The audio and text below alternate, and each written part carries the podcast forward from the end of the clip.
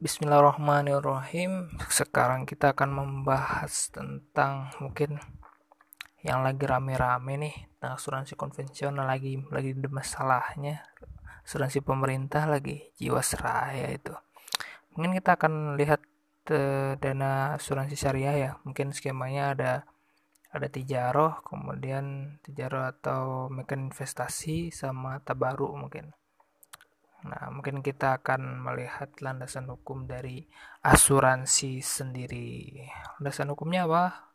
Mungkin eh, kita lihat mungkin nggak asing nih di, di telinga pendengar bahwa eh wahalallahu bay riba kan. Jelas bahwa pengharaman jual beli eh pengharaman riba kemudian Allah mengganti pengharaman tersebut dengan kehalalan yang lebih banyak yaitu jual beli. Kemudian uh,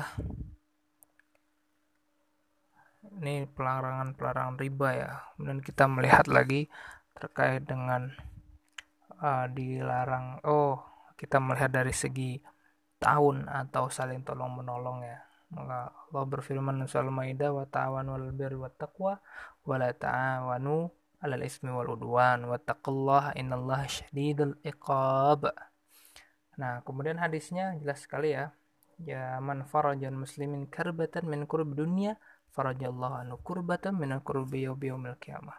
Nah, ketika kita memudahkan urusan orang lain, maka Allah akan memudahkan urusan kita di dunia dan di akhirat. Oke, pendengar.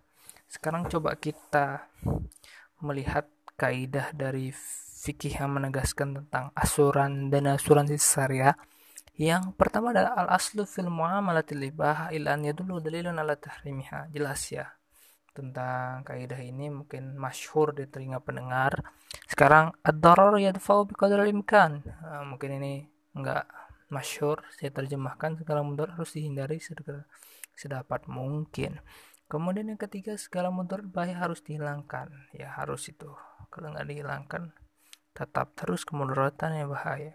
Nah, skema asuransi itu mungkin ada banyak ya skema asuransi mungkin asuransi di Indonesia ada takaful mungkin pak mungkin anak di sini sudah pernah ke sana terkait dengan skema dan sebagainya. Mungkin kita coba akarnya. Penerapan akad yang asuransi itu kan ada dua ada tijaroh ada tabarru nah untuk itu kita, kalau kita lihat akad tijaroh itu kan uh, tujuannya komersil investment gitu. Ya saya kepingin dapat uang di situ. Kemudian kalau tabaru saya ingin bantu orang. Ketika nanti ada salah satu dari pengguna asuransi itu terjatuh atau mendapatkan uh, musibah nah kita bisa membantu. Nah akad pada akad tabaru itu kan berarti uh, kalau saya sebagai apa asuransi ya ikut asuransi sebagai peserta berarti saya memberikan hibah yang akan digunakan untuk menolong peserta lain itu terkena musibah sedangkan perusahaan bertindak sebagai pengelola dana hibah tersebut. Kemudian ketika akad itu tijarot investasi berarti perusahaan bertindak sebagai mutorik. Akadnya mudorobah jelas ya. Eh, akad mudorobah kemudian peserta bertindak sebagai sahibul mal pemegang polis gitu. Mungkin sekian dulu terkait dengan asuransi syariah. Oke check it out check it out